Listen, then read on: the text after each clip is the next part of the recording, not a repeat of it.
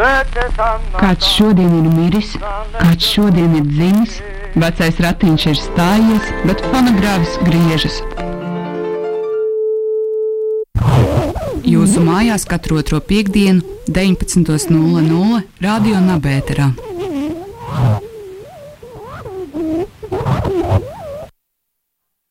Labu vakaru, radio klausītāji! Jums kopā ēterā raidījums fonogrāfs. Un studijā šovakar uh, Grāfs Hiršs, Grāfs Kamoliņš un Grāfs Balodis.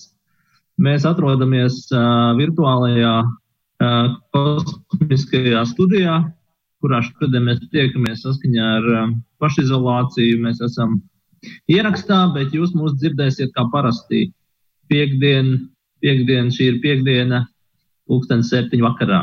Un šodien, šodien mūsu raidījuma tēma ļoti piemērota šiem apstākļiem uh, par vientulību, vientulību izplatījumā. Es pieļauju, ka mūsu radio klausītāji lielākā daļa arī jūtās kā uh, iesprostos kādā nelielā lidojošā objektā, un, uh, kurā ir grūti sastapt blakus netālu cilvēkus. Un um, šodienas tēma ir kosmonauti. Un, uh, kosmonautikas diena ir uh, svētdien, 12. aprīlī. Starptautiskā kosmonautikas diena.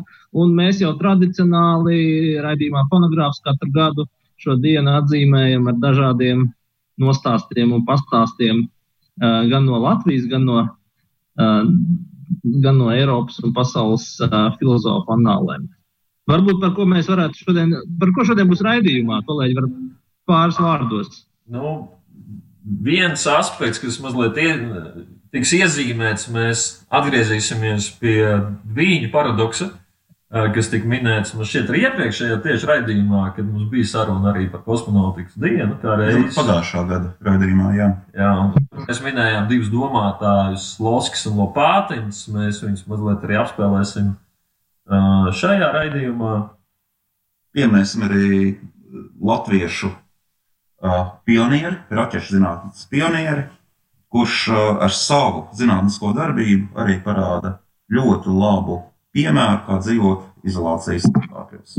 Un tieši tāpat arī pieminēsim nedaudz tos cilvēkus, kuriem interesēja kosmos, kosmosa pārveidošana dažādos, no dažādiem aspektiem. Man šķiet, mēs vēl pieminēsim arī Nikolai Rēriku, uz ko atsaucās uh, mūsu Tvaikabidē nesenais viesis uh, profesors Šuvājos, kurš runāja arī par to, ka Rēriks runāja par kosmosa kolonijām. Es pieļauju, ka arī šī raidījuma kontekstā uh, tā varētu būt interesanta ideja. Bet uh, tagad noklausīsimies pirmo muzikālo skaņdarbu, un pēc tam esam atpakaļ.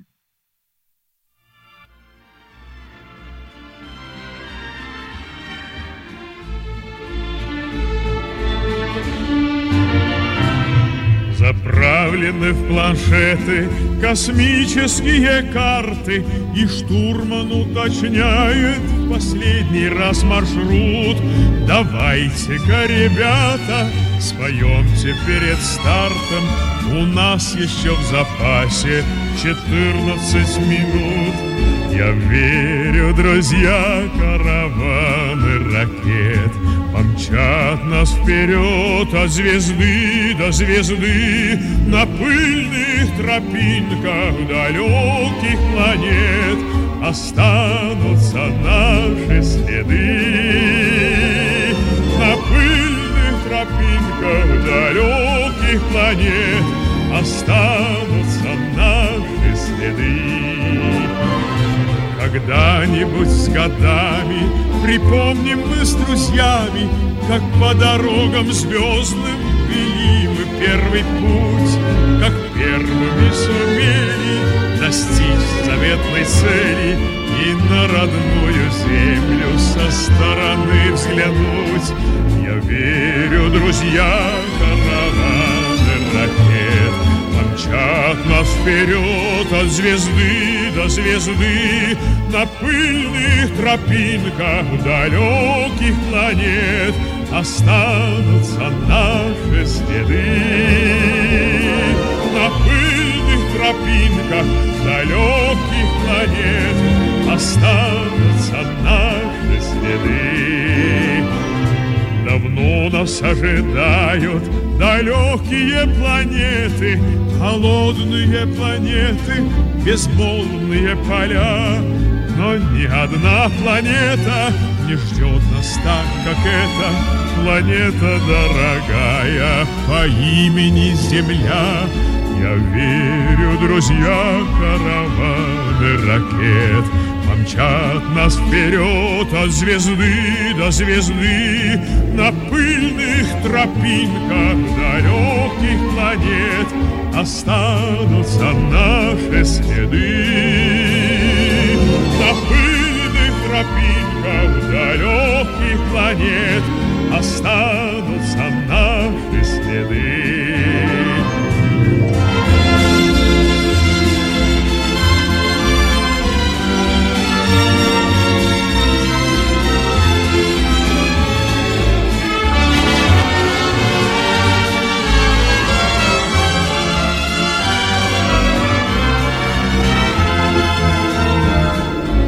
верю, друзья, караваны ракет. Помчат нас вперед от звезды до звезды На пыльных тропинках далеких планет Останутся наши следы. На пыльных тропинках далеких планет Останутся наши следы Labvakar, radio klausītāji, ir jums ēterā raidījums fonogrāfs. Un kā jau mēs pieteicām, tad pievērsīsimies eh, kosmiskām tēmām. Un, uh, Ja sāksim ar sveicieniem, laikam. Sāksim ar sveicieniem uh, visiem kosmiskajiem vientuļniekiem, kas uh, pagaidām lido pa Zemes orbītu, vientuļi, izolējušies, laikam jau arī nedaudz. Bet viņiem ir, viņiem ir, viņiem ir paveicies savā ziņā, varētu teikt, jo viņiem nedraud pandēmijas riski šobrīd. Nu, nevar zināt, nevar zināt. Bet, nu, ne, nu, viņi ir diezgan izolēti, vai ne? Tur, eh, jā, bet nu, varbūt kaut kāda kosmiskā radiācija vai, vai, vai nevar zināt arī, kas no Marsa var atnākt īpaši. Tur ir savu bīstamības pakāpe arī. Jā, viņus mēs esam apsveikuši. Bet uh, es domāju, ka arī vajadzētu apsveikt uh, Friedrichu Sanderu, vienu no uh, pionieriem raķešu zinātnē, kurš uh, dzimis Šampēterī. Un uh, šajā mūsdienu pandēmijas kontekstā viņš ir interesants īpaši ar to, ka uh, viņa viens no tādiem izteikumiem, ko viņš visu laiku runāja cilvēkiem, tā tālāk, bija tas, ka viņš grib braukt uz Marsu. Principā, Uz Marsu, uz Marsu. kur ir gadi tie? Ā, 20. 20. gadu sākumā. Jā, jā, principā to laiku viņš tur sāk ņemties par, un mēģināja taisīt jau pirmos prototīpus kaut kādus. Un tas ir interesanti saistībā ar Zanderu, ka viņš domā ne tikai teorētiski, kā uztaisīt labākas raķetes un tam līdzīgi, bet viņš arī pievērsās psiholoģiskiem aspektiem. Proti, viņam bija skaidrs, ka cilvēks, kurš lidos uz Marsu, viņš piedzīvos diezgan ilgu, viņam būs jāizdzīvo diezgan ilgs laiks šajā izolācijā. Un eh, tas, ko viņš darīja, viņš savu darbu istabu principā izolēja no apkārtējās pasaules, mēs tā varētu teikt. Un, uh, veidojot, strādājot pie saviem prototipiem, uh, viņš domāja, ka viņš mēģināja iztēloties, ka viņš ir šajā kosmosa kuģī, kas brauc uz šo maršu beidzot. Un uh, ir uh, daži interesanti stāsti, pieņemsim, tajos īsajos mirkļos, kad Sanders kaut kur aizgāja, nezinu, pieņemsim, uz toleti vai nopirka kādu baltmaizi veikalā vai kaut kas tam līdzīgs. Tad, viņš gāja uz veikalu tomēr. Ja? Kā Nu, Dažreiz, no jā, dažreiz nepieciešamības dēļ bija tomēr jāaiziet šajā ā, visuma telpā. Un ā, kamēr viņš bija projām, tikmēr mājas iemītnieki fiks, fiks attaisīja logus, lai izveidinātu. Jo, nu, bet, diemžēl, diemžēl, ā, tā nebija tāda absolūta pašizolācija, skaidrs, ka, ā, ja tu esi kosmiskajā telpā, tad varbūt nevajadzētu veidināt kuģi. Tā kā, nu, Nu, to mēs arī, tā kā, nu, to mēs arī nosūtām mūsu ne, kosmonautiem, lai viņi neveicina pārāk telpu šobrīd. Jā, jā, jā. bet cik, es- pieņemu, ka ir ļoti daudz mazu bērnu, kas grib kļūt par šiem astronautiem vai kaut ko tamlīdzīgu. Vai vajadzētu teikt, jāsatiet savās uh, mazajās istabiņās, bet neveriet vaļā logus. Nekādā gadījumā. Sandra ieteikums. Jā, bet starp citu arī, arī Cander, Cander kungs arī mira epidēmijā, tīfa epidēmijā, kā es uh, pamanīju. Jā. Viņš arī bija upuris savā ziņā, labāk viņš būtu devies uz Marsu tomēr. Nē, problēma bija, iespējams, ka, iespējams, ka iemesls bija tāds, ka to logu vēra vaļā. Un tad, attiecīgi, pandēmija iekļuva viņa. Stīvs, Jā, tā ieplūda viņa. Jā, jā, jā. jā. Ja principā viņš būtu, seko, ja viņš būtu principā seko šim astronautu galvenajam uzstādījumam, nevar vaļā logus, ne ārā no istabas, viņš būtu izdzīvojis arī šo tīfu epidēmiju. Vai mēs gribam vēl sveicienus nodot kādam? Jā, nu šeit droši vien mazliet tad, jāatgriežas pie jau iepriekš minētajiem diviem personāžiem, kas ir Nikolais Loskis un Ļevs Lopātiņš, kas, ko, kur mēs izspēlējām šo stāstu vienā tātad, jā, nu, pirms gada iznāka mēram tajā raidījumā, par, kas bija veltīta kosmonautikas eh, dienai, un varbūt nu, tā īsi ieskicējot tātad. Lauskis ir eh, poļu izcelsmes filozofs, kurš ir piedzimis Latvijā. Mēs arī braucām un meklējām toreiz viņa pēdas, mēģinājām atrast viņa radinieku kapus, eh, kas gan mums toreiz ne- neizdevās. Savukārt Lopātiņš bija eh, Maskavas Universitātes filozofijas pasniedzējs, bet eh, šie abi domātāji, gan Lopātiņš, gan Lauskis, pārstāv vienu filozofisko virzienu. Tajā laikā viņi apmēram arī dzīvoja vienā laika periodā. Un tad tas ā, stāsta par to, ka viens no viņiem devās kosmosā, bet otrs uz viņiem palika, palika uz Zemes. Un tur izspēlējās tā saucamais dviņu paradoks, par kuru droši vien var pāris vārdus vairāk pateikt uh, Andrēs. Jā, tieši tā. Uh, Lopātins un Loskis uh, faktiski tika rekrutēti uh, ļoti ambiciozā projektā, kurā meklēja tos cilvēkus, kur varētu šo divu paradoksu, uh, kas bija fiziķu pārsvarā tāds doma eksperiments, bet Krievijas impērijā meklēja šos uh, uh, īstos cilvēkus, kurus varētu rekrutēt uh, šim eksperimentam, kas vairs nebūtu tikai doma eksperiments, bet tas būtu reāls eksperiments, kurā tiešām atrod divus dviņus, divus ļoti līdzīgus uh, uh, cilvēciskus būtnes, un vienu no viņiem uzšauja kosmosā, savukārt otru atstāja uz Zemes. Un tad uh, pārbaudīt, vai tiešām šī relativitātes teorija darbojās. Ka tas, kurš uh, dodas kosmosā, uh, faktiski noveco ātrāk nekā tas, kurš paliek uz Zemes. Ja, mēs apskatot šo Lopātina un Loska dzīves līnijas, mēs pamanījām, ka tas tā tiešām ir. Jo beig, beigās Losks tomēr daudz vairāk izdarīja. Viņš nokļuva līdz Parīzē beig, beigās, ne? bet Lopātina zina tikai, tikai Krievijā, tāpēc ka viņš acīm redzot pamet šo zemi tajā brīdī. Turklāt ļoti interesants aspekts, Andri, ko aizmirst biogrāfiski pieminēt, bija, ka uh, Lopātina, uh, filozofs Lopātins ir dzimis Gagārina krustojumā. Ja? Šī nav nejaušība nekādā gadījumā. Šī, šis ir nozīmīgs aspekts, kāpēc arī viņš tika rekrutēts šajā lieliskajā projektā. Līdz ar to mēs nododam sveicienu Ļevam Lopātinam, kurš joprojām atrodas orbītā. Uh, es, vai ir ziņas, kurā orbītā? Jo pagājušajā gadā viņš bija kaut kur netālu no melnā cauruma. Mēs tā kā diskutējām, bet šobrīd, šobrīd iespējams viņš ir kaut kur citur. Jau. Jā, mēs, mēs pilnīgi nejauši esam ieguvuši arī uh, unikālu materiālu, proti, uh, Lovskas sūta telegrāmu Lopātinam. Uh, es vienkārši nolasīšu, jo es domāju, tas ir diezgan uh, interesanti. Lovskas Lopātinam Jupitera orbītā. Punkts. Apsveicu tevi Startautiskajā kosmonautikas dienā. Punkts. Drošu un vientuļu lidojumu. Punkts. Lovskis. Punkts.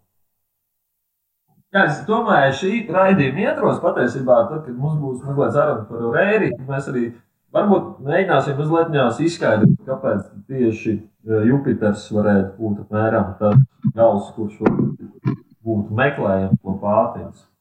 Tagad pārējām pie mūzikas.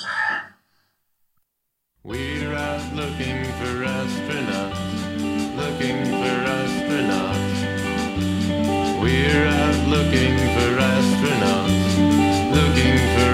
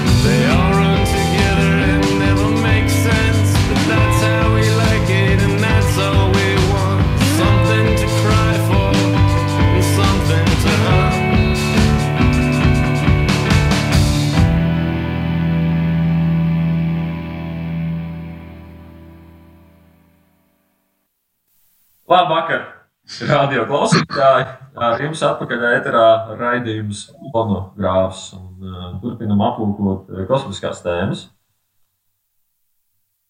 Uh, jā, jūs mums varat sekot arī droši vien uh, šajā laikā sociālajos tīklos. Zvans studijā šodien nestrādās, bet uh, viss pārējā virtuālā pasaule jūsu rīcībā, lai arī uh, sekot mums līdzi un uh, uzzināt jaunāko par fonogrāfu aktivitātēm, kas gan pēdējā laikā ir samazinājušās. Gadās. Bet raidījuma turpinājumā jau, jau par tēmu, kam mēs pieskārāmies, par kosmistiem un kosmistiem Latvijas teritorijā. Ja? Es saprotu, ka par Nikolai Rēriku būs stāsts un stāsts par Jupiteru. Jā, nu, uh, tas būs diezgan uh, īsi, bet es gribētu minēt divus tādus domātājus, kas ir saistīti ar Latvijas teritoriju un kas ir uh, pievērsušies uh, kosmosa tēmai un rakstījuši par starp planētu ceļojumiem. Šajā gadījumā tas būtu Kalistas Žakovs, kas jau ir minēts mūsu vienā no iepriekšējiem raidījumiem, profesora Līķa Nedienas un uh, Nikolais Rēriks. Uh, nu, Tātad par Žakovu mums jau pavisam nesen bija uh, raidījums, tāpēc par viņa dzīves gaitām un saikni ar Latviju un limitisma filozofiju droši vien nav nepieciešamība šobrīd atkārtoties. Tikai varbūt viens aspekts mēs minējām, ka Žakova skatījumā viņš mēģina atbildēt, kas notiek ar cilvēku pēc nāves. Viņš to raksturo par kosmisko par kosmisko sapni. Cilvēks pēc nāves nokļūst kosmiskajā sapnī. Un tur viņam ir vairāk. tieši kosmiskajā un es vienkārši sapņoju? Jā, un, es, jā, un man liekas, ka viņš, eh, lai arī ne pārāk detalizēti, eh, tomēr eh, ir ieskicējis mazliet atbildi. Eh, Jo, protams, ir tās ver, vairākas versijas, viņa darbos patiesībā aizspēlējās, bet viena no tām versijām, kas eh, dominē, ir tā, ka tās attīst, attīstītās tad vēseles apvienojās ar pasaules garu. Nu, tur ir šis plotīniskais motīvs, bet uh, tās, kas ir netikumiskas, proti, neattīstītas vēseles, viņas pēc nāves pārceļās dzīvot uz uh, citām visuma daļām. Uh, proti, uz uh, planētām, kur uh, tā vide nav ērta, uh, nav īsti piemērota dzīvošanai. Tad tāda žakava variācija par elli. vai Ne, tas nozīmē, ka tu nokļūsi uz planētas, kur tava eksistence ir ciešana, pilna vai kaut kā tāda. Venēras, teiksim, ja? Jā, jā, jā die, diemžēl viņš, viņš eh, nemin konkrētus planētas. Tas viņam tādā diezgan garām ejot izspēlējās. Jā. Uh, un tad, eh, tad tas vēl viens domātājs, kuram ir kaut kas diezgan līdzīgs, tas ir uh, Nikolais Rēriks. Uh, nu, Rēriks ļoti daudzpusīga personība, rakstnieks, eh, Mākslinieks. mākslinieks eh, Ceļotājs. ceļotājs, dzinieks. Es domāju, ka mēs kādreiz varbūt atsevišķi pievērsīsimies Rērika personībai. Viņam arī ļoti daudz un dažādi šīs saiknes Latvijas teritorija. Viņa dzimta ir saistīta ar Latvijas teritoriju. Viņš pats vairākas reizes apciemo Rīgu. Un, nu, jā, par to mums droši vien kādā citā raidījumā parunāsim padziļ, padziļinātāk. Bet eh, šajā gadījumā, ah, nu, ko droši vien arī vēl būtu vērts pieminēt, ja reiz mēs minējām Žakovu, patiesībā tā Rēriha biedrība Rīgā veidojās apmēram tajā pašā laikā, kad Rīgā tiek dibināta šīs limitīsuma biedrības. Nozīmē, nu, 20. gadsimta pirmā puse, 20. Uh, 30. gadi. Tas nozīmē kaut kāds periods, kad šī rēriha biedrība un limitisms kaut kādā nozīmē eksistē kā tādi konkurējoši uh, virzieni. Tieši kā konkurējoši. Es domāju, ka Kāpēc, kāpēc konkurējoši? Ir zinām, kaut kādi, es nezinu, ka ir bijuši skautiņi, piemēram, starp rērhiešiem gudriem. bet būtu varējuši būt, bet diemžēl vēsturi par to klusē. Jā, jā. Kad vajag parakāt. Jā, piemēram, es nezinu, tur. Žakovs raksta rupi vēstuli rērkam, es to esūtīšu kosmiskajā sapnī. Ja, un tas- Tad Erdis Barons kaut ko tur arī piedraud, tur rēriha biedrības locekļiem. Tur sagaida tumšā. Mēs jūs izraksim. Jā, es domāju, ka Varbūt Barons īstenībā bija tas, varbūt viņš īstenībā bija slepenais rērhietis, ka viņš rakārā Žakovu. Ā, domāju, Limitīs Jā, jā. Latvijā tādā veidā. Žakovs pats nokļūst kosmiskajā sapnī. Tagad teikt, viņa galva tiks izšauta orbītā kaut kur.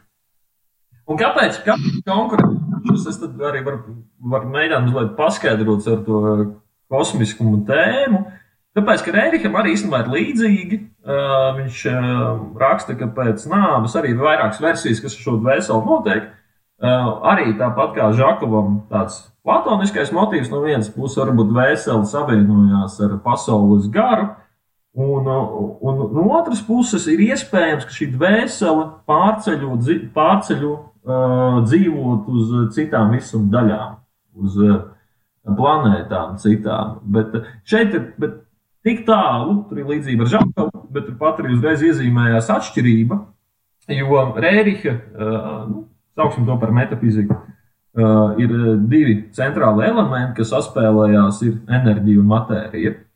Un uh, arī tādā, nu, ka viņš runā par šo kosmosa evolūciju, tie ir tādi divi pamatprincipi. Un viņš norāda, ka ir būtiski skat- skatīties, kur visumā šī matērija ir blīvāka un kur viņa mazāk blīva. Un, piemēram, uz Zemes eh, šī matērija ir izteikti blīva, un arī cilvēka ķermenis ir eh, ieslodzīts šajā diezgan blīvajā matērijā. Eh, Bet ir iespējams, ka pēc nāves eh, šī dvēsele pārceļās uz kaut kādu planētu, kurai šī matērija ir mazāk blīva. Un tas nozīmē, ka šī enerģija var izpausties brīvāk. Bet tas ir nedaudz līdzīgs epikūram, ja mēs tā domājam. Epikūram jau arī bija tā, ka ķermenis ir blīvāka matērija, gars ir uh, nedaudz tāda.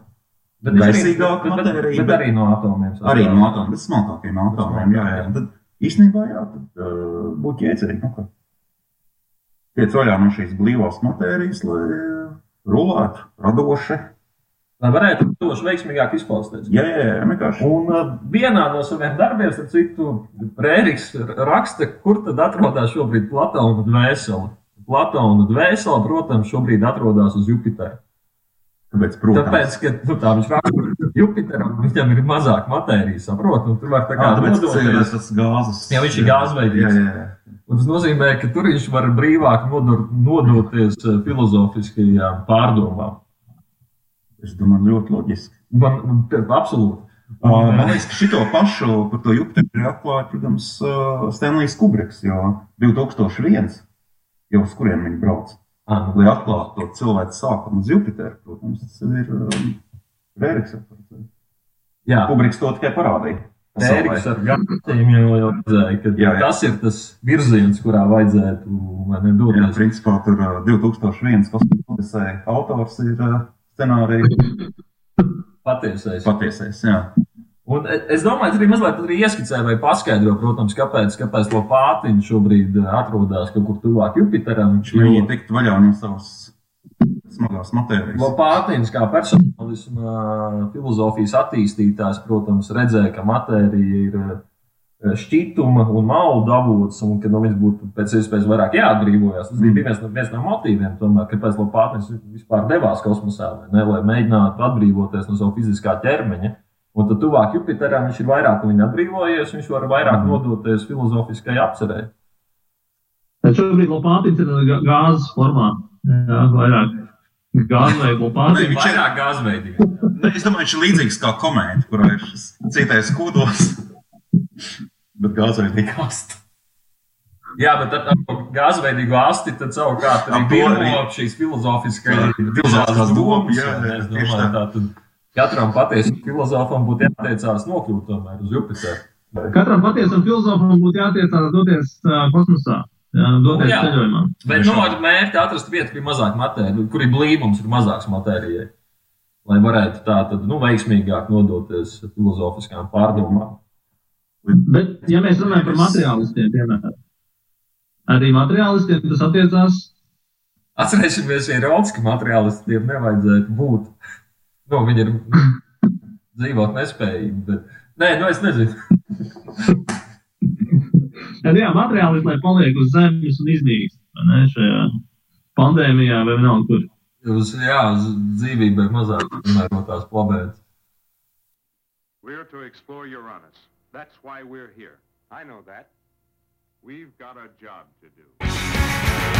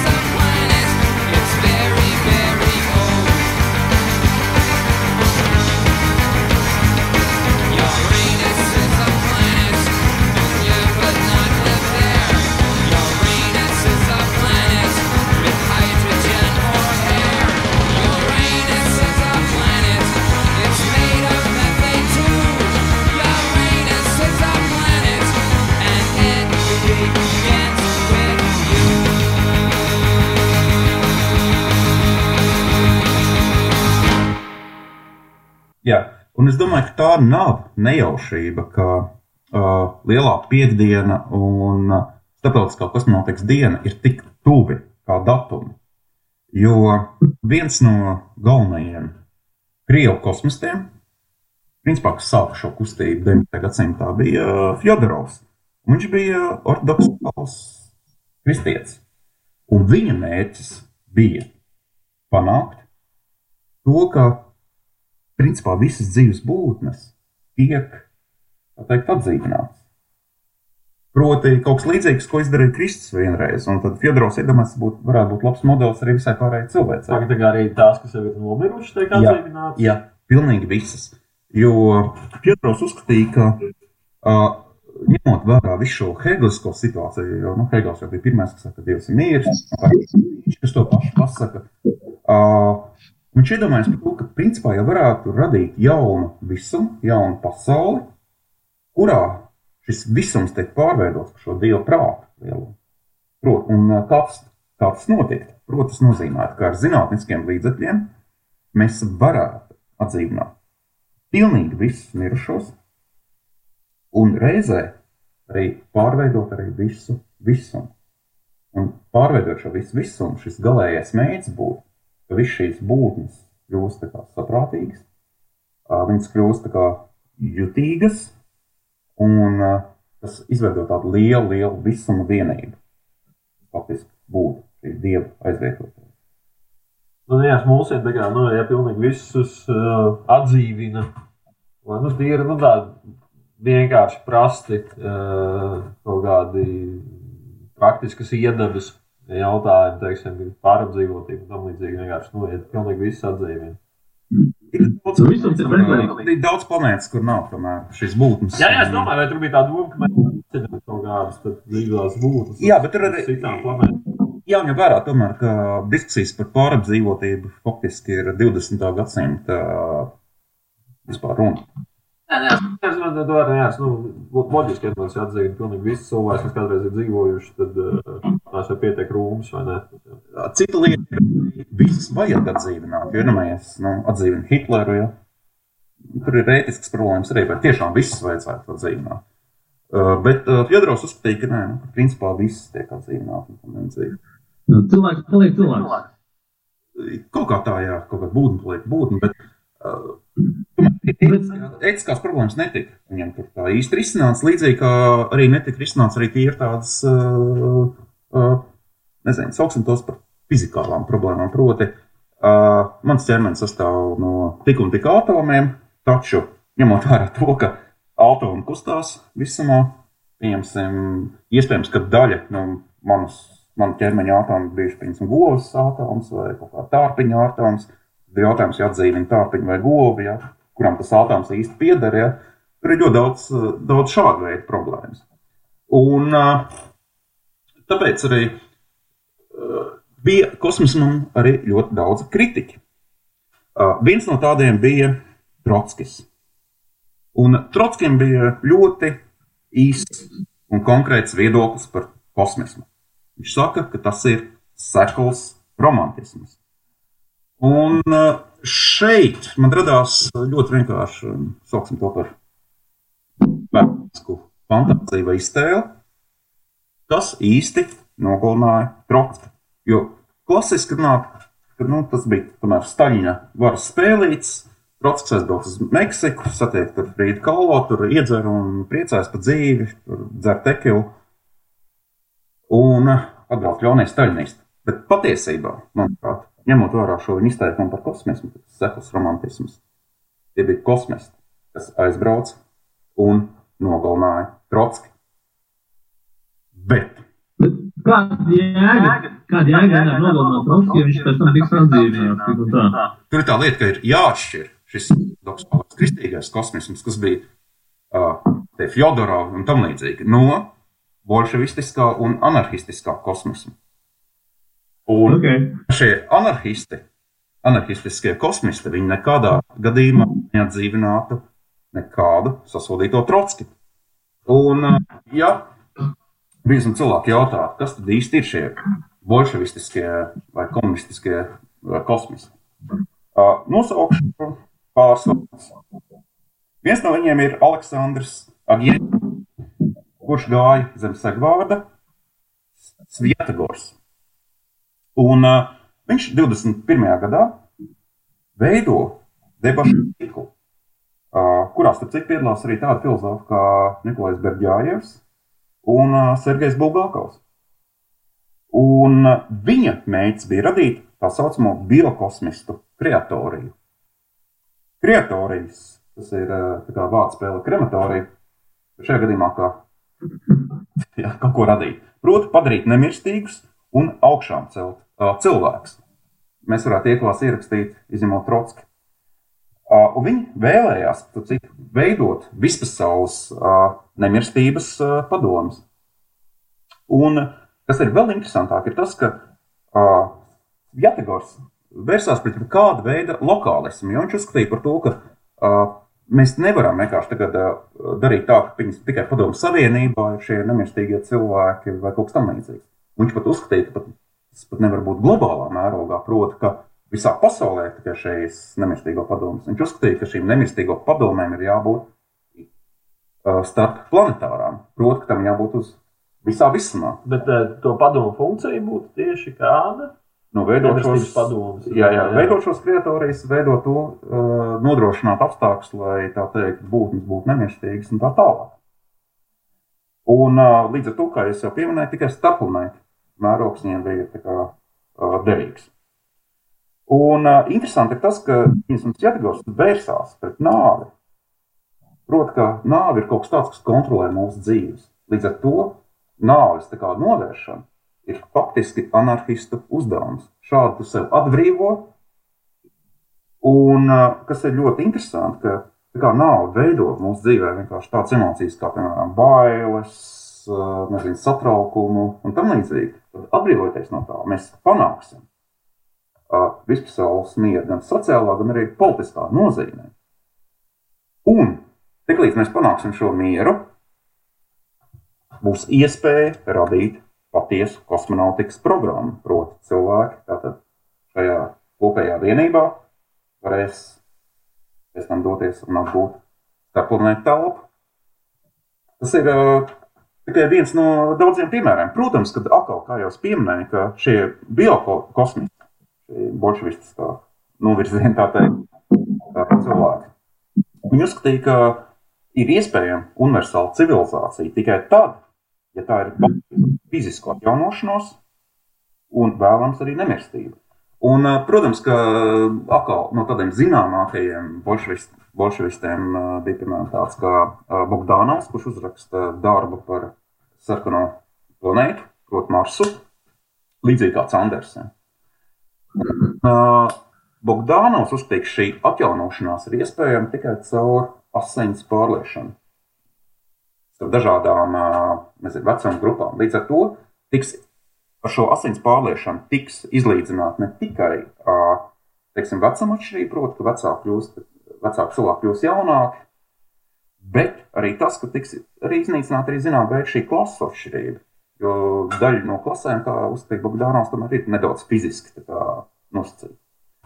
Ar to jau arī, ar to jau arī viss nebeidzās. Ja, piemēram, tāda kā Jāgors vai Bogdāna, viņa skatījās šo uh, nemirstības projektu un šo kosmosa apgūšanu tādā vairāk vai mazāk bioloģiskā nozīmē, fizioloģiskā nozīmē. Uh, bija arī tādi uh, biokosmisti, kas gāja vēl tālāk kā anarchisti. Uh, man liekas, viens no tādiem interesantākiem gadījumiem bija brāļi, brāļi Gordini kuri 1917. gadā, kad norisinās bolševistiskā revolūcija, viņi, protams, arī grib uh, likt savu artavu šajā revolūcijā. Un viņi izveido uh, piecu ap, apspiesto vienību.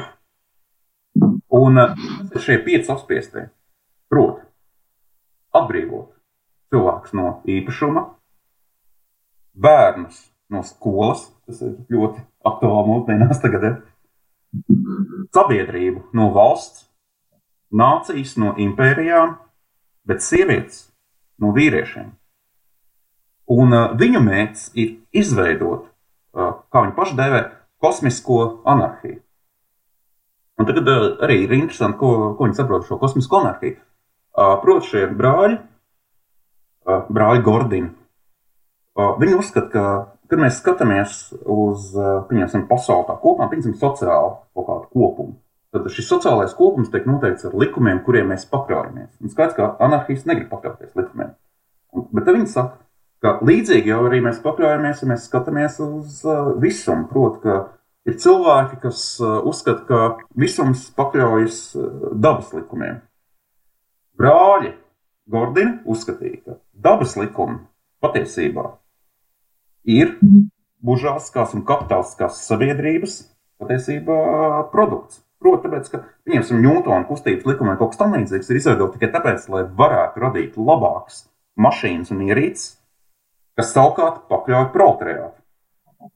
Līdz ar to mums ir jāskatās uz Ņūtona likumiem. Visa pasaule ir anarchistiska. Viss visums ir anarchistisks. Bet tā atteikšanās no Ņūtona likumiem vienkārši nozīmē, tad, Es teicu patiesiem likumiem, proti, ka ir katra būtne, katra matērijas vienība ir spontāna, viņi rīkojās saskaņā ar sevi. jā, Viņi tiešām aizstāv šo lietu sevi, kas ir ļoti interesanti, jo principā jau Komunistiem. Kantiskā Kantiskā, jā, jā, tāpēc mums, komunistiem nepatīk šī lieta sevi, jo tas tā kā vērsās pret viņu materiālismu un tā. Bet šie brāļi skatīja, ka, ka, vērš, ka tieši šī lieta sevi vienkārši norāda šo absolūto matērijas vienības un būtnes vienības autonomiju no šiem likumiem.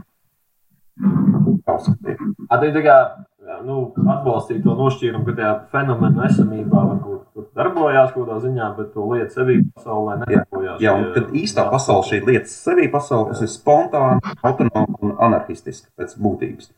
Bet uh, interesanti, ka brāļi, Gord, uh, brāļi Gordini uh, domāja arī par citiem aspektiem. Un, uh, proti par to, ka, jā, kad mēs ceļosim uz citām planētām, mēģināsim šo visu padarīt patiesi anarchistisku. Uh, principā jau mums vajadzēs arī veidot arī noteiktu veidu komunikācijas sistēmu. Un brāļi Gordons, starp citu, bija pirmie, kas izveido šādu universālu valodu. Viņi strādā pie universālas valodas. Tas ir principā balstīts uz matemātiku, lai varētu sazināties starp dažādām būtnēm. Un, atcer, un tā kā es pieminēju par to, ka viens no šiem aspi, apspiestības aspektiem ir, piemēram, dzimums, ā, viņu valoda ir bez dzimuma valoda, proti, kurā nav šie tādi Vīrieši sevi ir zemes Jā, jā. Līdz ar to, piemēram, tādu mūsdienu feminists varētu vienkārši uz brāļus Gordeņus, tā teikt, ielikt uh, uz augstākā piedestāla. Bet, protams, arī šāda veida šiem anarchistiem bija arī tādi, nu, romantiski kritizētāji, kā, piemēram, Osips Mandelstāms, zināms, dzēnieks, kurš uh, par viņiem ir gājis. Ka viņi, proti, šie kosmisti, apgalvo, ka revolūcijas cēlonis ir batu staplinēta telpā. Proti, Tātad šie kosmistu kritizētāji parasti uzskatīja, ka viņi pārāk daudz pievērš kosmosam un tā teikt, nerisina proletariāta problēmas šeit patās uz Zemes. Lai arī kosmisti uzskatīja, ka principā jau šiem mērķiem jābūt šiem kosmosa pakļaušanai vai nu komunistu likumiem, vai arī anarhiju. Bet tādā vēsturiskajā dimensijā, kas ar viņiem pēc tam notika? Nu, es domāju, ar šiem uh, kosmosa pārstāvjiem intelektuālajā telpā. Viņi tika pieminēti. Tieši tāpēc arī pastāv šādi raidījumi, kas Nē, piemērs. nē, es domāju, vai viņam dzīve beidzās kaut kādā Sibīrijas beigās trimdā. Vai. Īsti nē, īsti nē. Man liekas, Moldaštam bija skumjāka dzīve. Jo patiesībā jau tajā laikā, piemēram, attiecībā uz šo kosmismu, ir jāatcerās, ka kosmisms bija viens no proletariāta mākslas kā, sastāvdaļām. Un ka pat bija ā, divas kā, dzejnieku tā kā, šīs apvienības, viena Pēterburgā, viena Maskavā, viena dēvē, viena sev dēvēja tiešām būtiski kā kosmisti, bija tā dzejnieku apvienība, otra par uh, uh, lābu. Bet tur tas neveidojās kaut kāda sasaiste ar, ar, Vitebsku un ar Malēviču, kurš tomēr arī pievērsās tām kosmosa Starp citu, starp citu, starp citu bija, bija, bija sastāsts ne tikai Malēvičs, bet arī, piemēram, Kandīnsks, uh, Elisits un tam līdzīgi, vai Tatlins. Viņi veido šos darbus, kas uh, burtiski uh, atsaucas uz šo starpplanētu telpu, uz noteikti vēršiem masām, starplē un tā tālāk. Jā. Ir, ir būtiski šī saikne. Jā, bet tad viņam bija kaut kāda nojausma par tām, nu, nezinu, kā varētu izskatīties šī ārpuszemes dzīvība. Nu, ja reiz viņi veidoja to valodu un tam līdzīgi, tad viņi paredzēja, ka viņi kaut kad drīzumā. Jā, šeit, šeit, bija, šeit bija ļoti daudz kā, šīs diskusijas par to, piemēram, nu, jā, bet saskaroties šīm ārzemes civilizācijām, ja kāds viņas būs, viņas būs tiešām šīs labvēlīgās uh, komunistiskās vai arī bužādistas, ļaunas. Jo, piemēram, mēs jau zinām, ka piemēram, viens no tādiem komunistu simpatizētājiem Herberts Vels uzsāka karu, kurā tomēr šie tieši sliktie. Jā. Savukārt Bogdānova Mars savukārt bija modelis uh, komunistiskai sabiedrībai. Tā, tur īsti nav vienprātības. Jā. Bet, jebkurā gadījumā, kā mēs zinām, patiesība uzvarēs, revolūcija uzvarēs visos mērogos, un kosmisms rulēs. Es domāju, ka mēs arī šodien Atdodamies no klausītājiem, novēlam viņiem iedziļināties kosmosa dzīvēs. Man kā viens jautājums palika neatbildēts. Kāpēc šīs idejas par kosmosu tomēr rodās tur Krievijas teritorijā, sākumā Krievijas impērijā, pēc tam jau padomu savienībā, tāpēc šis, nu, tāds ļoti intensīvi domāšana par, par kosmisko ceļošanu, jā, kas pēc tam aiziet uz rietumiem, acīm redzam, bet Starp citu, nē, nē, ja mēs iedomājamies tādas uh, kosmisma tādas idejas, uh, viņš jau nebija ne tikai, ne tikai Krievijā. Ja mēs varētu iedomāties un padarīt par kosmistu vienu no iedvesmotājiem, piemēram, Dekārtu. Visa Dekārta filozofija, kā viņš jau raksta meditācijas sākumā, ir, lai pagarinātu cilvēku dzīvi, kas principā ir viens no tādiem arī kosmistu uzdevumiem. Vai pat ideālā gadījumā nenoteikti ilgi pagarināt. Piemēram, uh, ceļošana starpplanetu telpā tas ir jau no antīkiem laikiem uz priekšu. Visu laiku tiek aprakstīts. Bet ar ko kosmists atšķīrās, bija divi aspekti. Viens aspekts bija tas, ka tas bija burtiski reliģiozais kosmisms, kur ir tiešām šī augšām celšanās, proti, ka, ja klasiskā kristietība runā par augšām celšanos kā šo apakalipses sākumu vai kaut kas tamlīdzīgs, tad Savukārt šie kosmisti uzskatīja, ka mēs paši varam veikt šo kosmismu. Nevis kosmismu, bet augšām celšanos, proti, zinātniski. Tas bija šis reliģiozais. Savukārt šie krievi anarchisti, komunisti, viņiem kosmisms mērķis bija savukārt politisks. Un šajā ziņā ir jautājums, vai kādā veidā kosmoss varētu strādāt eh, kapitālistu sabiedrībā, nu, padarīt visu visam par, eh, nezinu, ko, rūpnīcu, eksploatēt uh, dzīves būtnes, uh, kas lido uh, Jupitera orbītā. Teritorija, resursi un tā tālāk. Jā, jā, tā ir kapitāls domāšana. Savukārt, nu, pieņemsim, padarīt visu visam par uh, anarchistisku vienību, man liekas, tas ir uh, cēlāk nekā izraktējums kaut kāds dabūt no komēdijas. Ar šo domu par cēloņu um, mums vajadzētu atvadīties, vai mēs varam pieteikt nākamo raidījumu. Tas ir diezgan riskanti šajā, šajā, šajā laikā pieteikt, vai mums nākamais raidījums vispār notiks, mēs to nezinām. Bet mēs gribētu, ka tas notiek. Tas atkarīgs no mūsu veselības. No mūsu arī tautas veselības, ne tikai no mūsu, bet Jā, nu, cerams, ka, ne, cerams, ka nenojūksimies. Tā teikt, iztēlojoties, ka ceļojam uz Marsu, cerams, ka logus neatvērs un izdzīvosim. Domājams, ka tuvākā vai tālākā nākotnē tomēr mēs atgriezīsimies Vitebskā un pie Rāņa mātes tapa. Ar labvakar! Radio monetoloģija 39. paragrāfs. Taču tā kā minētā substance ir pietiekams pamats ikvienam šim atsevišķajam, kurš savukārt ir saistīts ar visu, ir tikai viens dievs, un šā dieva pietiek.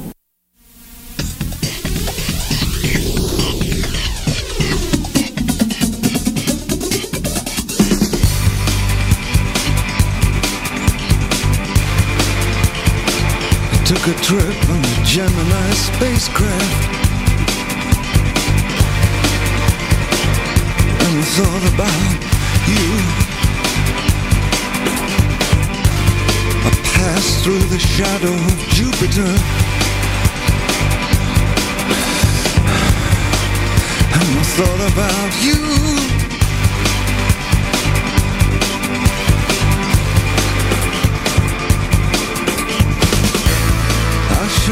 Space gun. Boy, really felt blue.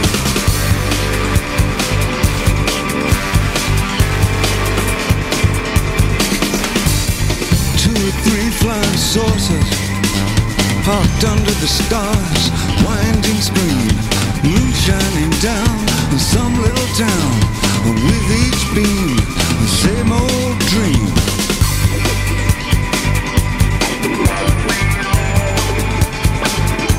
Trip in a Gemini spacecraft. And I thought about you. Well, I shot my space gun.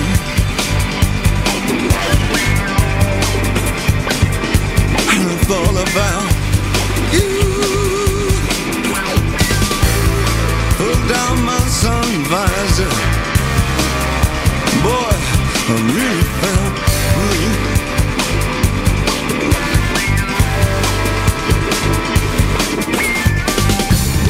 Into your Gemini, jumped into mine. We'll orbit the moon for just one time. Tomorrow night, tomorrow night, we'll, will you hold hands with me under the moonlight?